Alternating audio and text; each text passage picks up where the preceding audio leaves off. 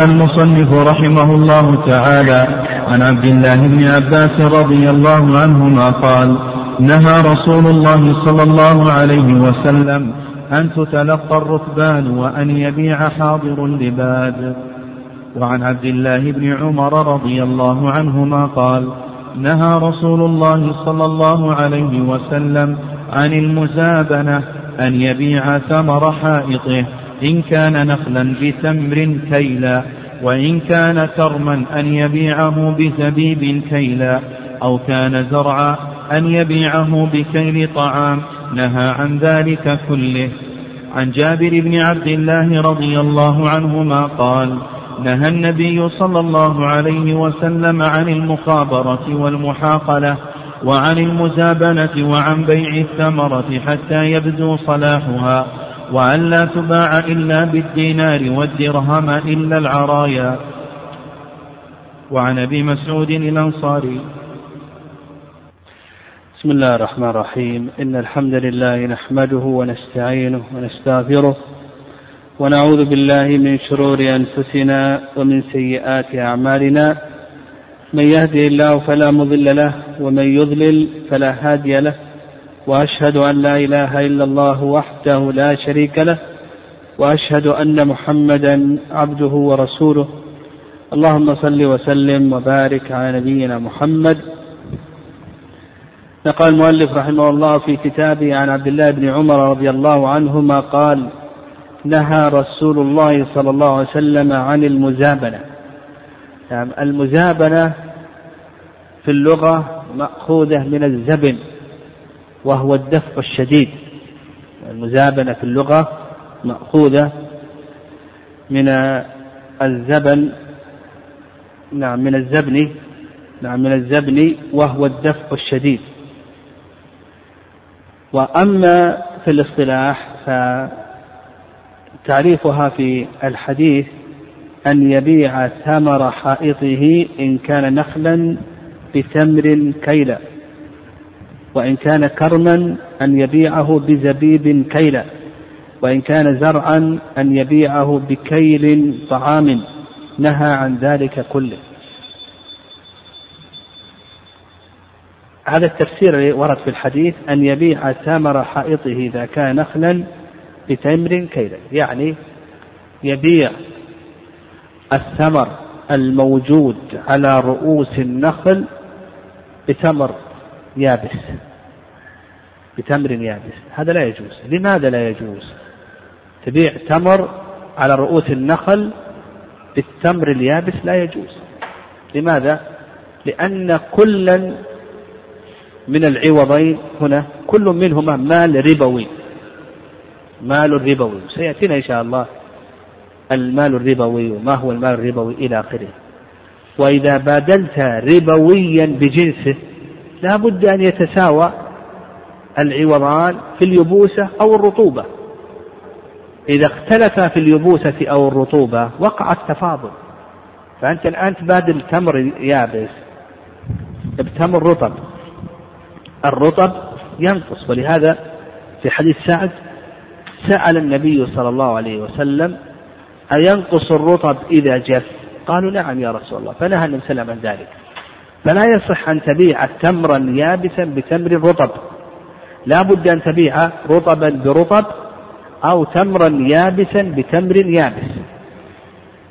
ف ولهذا النبي صلى الله عليه وسلم نهى عن المزابنة لأن المزابنة كما تقدم هي بيع تمر يابس بتمر رطب أو بيع عنب بزبيب. الزبيب مال ربوي وكذلك أيضا العنب ما يصح أن تبيع. لابد رطب برطب عنب بعنب زبيب بزبيب. إذا بعت يابسا برطب وقعت في الربا. نعم وقعت في الربا لأنك تبادل الآن ربويا بجنسه. وإذا بادلت ربويا بجنسه لا بد أن يتساويا في اليبوسة وفي الرطوبة إلى آخره.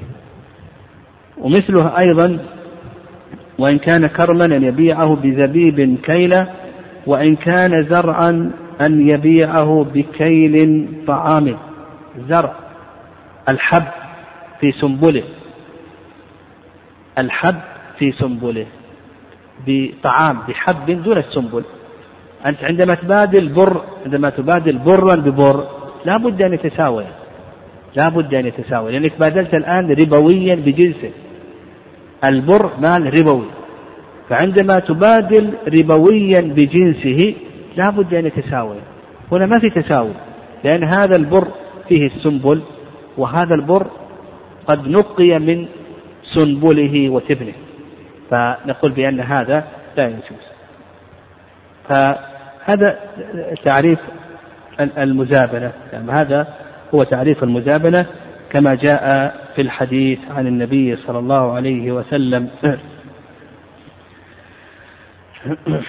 قال لك نعم نهى عن ذلك كله. يؤخذ من هذا الحديث نعم نأخذ من مسائل هذا الحديث تحريم المزابنة. والمزابنة كما جاء تفسيرها في الحديث. يعني يحرم عليك أن تبيع ربويا بجنسه ويختلفان في اليبوسة أو الرطوبة. نقول تحرم المزابنة والمزابنة هي أن تبيع ماذا؟ ربويا بجنسه ويختلفان في الرطوبة أو اليبوسة أو كما جاء في الحديث أن تبيع الثمر على رؤوس النخل بالتمر اليابس. أو تبيع الكرم بالزبيب. أو تبيع الحب الذي في السنبل بالبر الذي نقي من سنبله فنقول المزابنة محرمة وبيع ربوي بجنسه وقد اختلف في اليبوسة أو الرطوبة نقول بأن هذا محرم ولا يجوز لعدم تحقق ماذا؟ التساوي. ويفهم من ذلك أنك إذا بعت ربويا بجنسه يتفقان رطوبة أو يتفقان يبوسة أن هذا حكمه ماذا؟ أنه جائز ولا بأس به. يعني رطب برطب تمر يابس بتمر يابس زبيب بزبيب عنب بعنب أن هذا جائز ولا بأس به كذلك أيضا يؤخذ من هذا أنك إذا بعت ربويا بجنسه فإنه لا بد أن يتساويا فإن كان مع أحدهما من غير جنسهما فإن هذا لا يجوز. تبيع برا ببر في السنبل نقول هذا لا يجوز. الآن عندما تبيع برا ببر لا بد أن يكون كما قال صلى الله عليه وسلم مثلا بمثل سواء بسواء يدا بيد.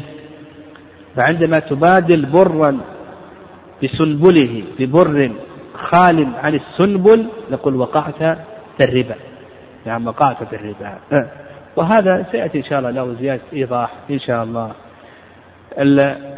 مسألة المزابنة نعم مسألة المزابنة يستثنى منها صورة واحدة كما سيأتينا إن شاء الله وهي العراية العراية صورتها صورة المزابنة رطب بيابس لكن استثناها الشارع وكما سيأتينا إن شاء الله في باب يعني في باب العراية قالوا عن جابر بن عبد الله رضي الله عنهما قال نهى النبي صلى الله عليه وسلم عن المخابرة.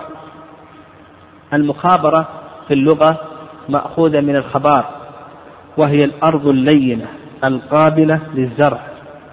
المخابرة مأخوذة من الخبار وهي الأرض اللينة القابلة للزرع أو من الخبير وهو من يحسن حرث الأرض. أو من الخبير وهو من يحسن حرث الأرض. والمقصود بالمخابرة هي المزارعة. المقصود بالمخابرة المزارعة. وسيأتينا إن شاء الله حكم المزارعة. هذا سيأتينا إن شاء الله.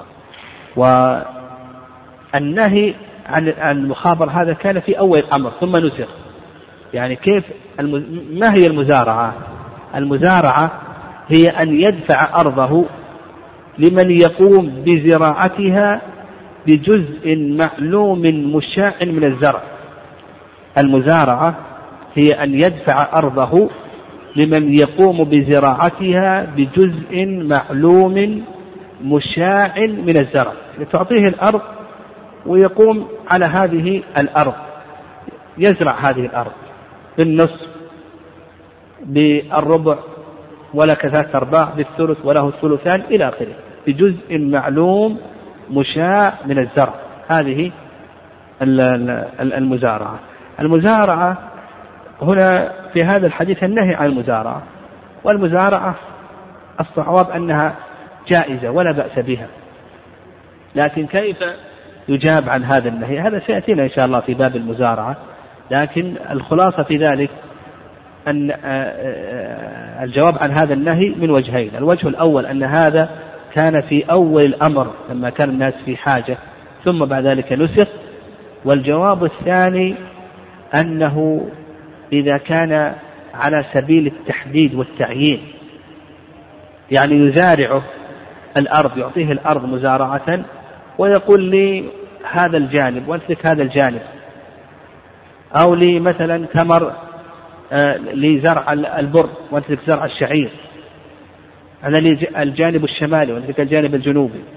أو لي أنا زرع هذه السنة وامسك زرع السنة التي تأتي تأتي. إذا كان على سبيل التحديد والتعيين نقول بأن هذا غير جائز. لماذا لا يجوز؟ لأنه قد تنتج. قد ينتج هذا الجانب قد لا ينتج هذا الجانب. قد ينتج البر قد لا ينتج الشعير. قد تنتج هذه السنة ولا تنتج السنة التي تأتي. فنهى النبي صلى الله عليه وسلم عن ذلك. ولهذا جاء في حديث رافع بن خديج في صحيح مسلم أن أنهم كانوا يؤاجرون على المدينات وأقبال الجداول وأشياء من الزرع يؤاجرون على المدينات. يعني المدينات التي تكون في آه، آه، عند الماء عند الماء وأقبال الجداول جداول الماء. لأن لأن الزروع تكون عند الماء هذه يكون نباتها أطيب. وأشياء من الزرع لي هذا ولك هذا؟ فنهى النبي صلى الله عليه وسلم عن ذلك لأن هذا يوقع في الغرار ويوقع في الخلاف والنزاع. فالخلاصة في المزارعة نعم النهي عن المزارعة نقول الجواب عن ذلك جوابان كما تقدم. قال والمحاقلة نعم المحاقلة مأخوذة من الحقل نعم المحاقلة مأخوذة من الحقل وهو بيع الحب بسنبله بحب صفي منه السنبل نعم. المحاقلة هي بيع الحب بسنبله بحب قد صفي من السنبل والتبن. هذا نقول أيضا بأنه لا يجوز. قال وعن المزابنة تقدم الكلام عليها وعن بيع الثمرة حتى يبدو صلاحها تقدم الكلام عليها. وألا تباع إلا بالدينار والدرهم إلا العرايا. العرايا كما سيأتينا إن شاء الله بيانه. هذا الحديث فيه مسائل. المسألة الأولى النهي عن المزارعة.